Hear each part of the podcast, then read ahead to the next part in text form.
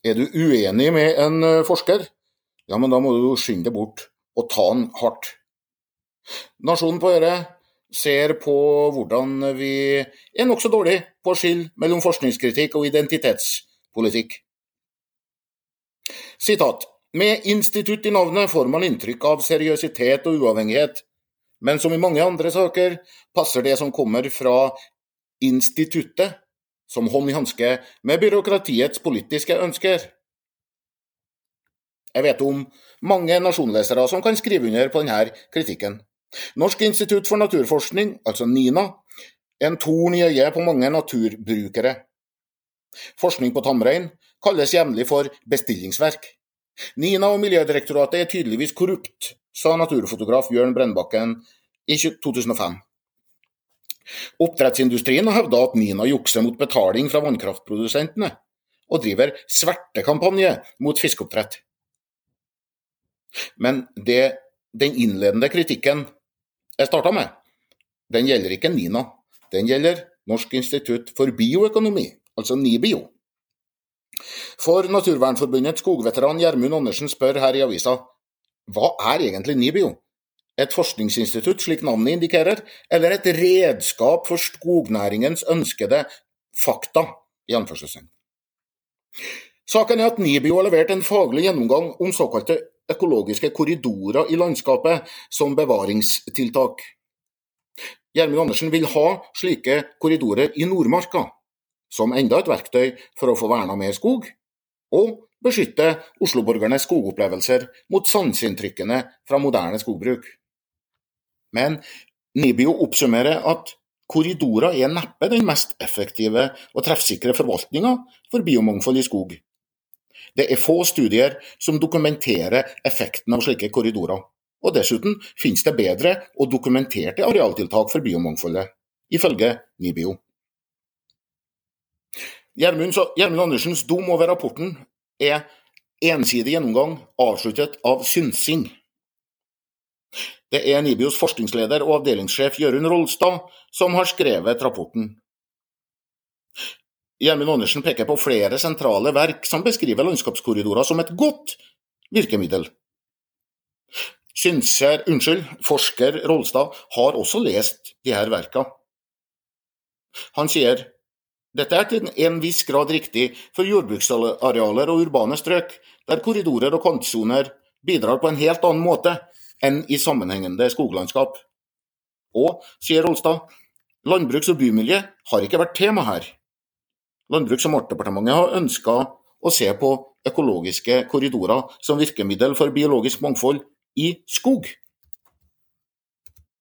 Når Gjermund Andersen skal underbygge påstanden om samrøre, trekker han fram kommunikasjonen mellom Landbruks- og matdepartementet og NIBIO som citat, 'må ha foregått muntlig i forkant'.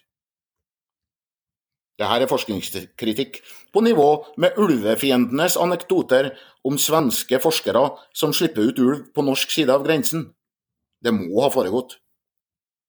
Det er lett å le av slikt, slik det er lett å riste på hodet av angrepene mot Ruralis, Institutt for rural- og regionalforskning. Bondeprofilene Dag Fossen, Anders Bakke Klemoen og Betuel Frøyland tar ulike utspill fra forsker Klaus Mittensvei så tungt at de etterspør hvor det landbruksfaglige instituttet har lojaliteten sin. I ettertid bedyrer herrene at de ikke mener å kneble forskninga.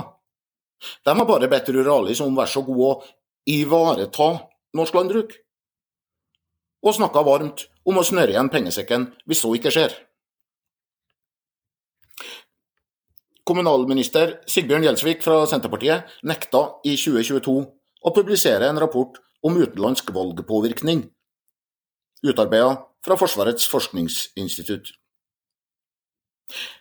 Gjelsvik sier hvis forskere ønsker å presentere slike argumenter for EU og EØS, kan de melde seg inn i en organisasjon eller et politisk parti, istedenfor å pakke inn det i en forskningsrapport.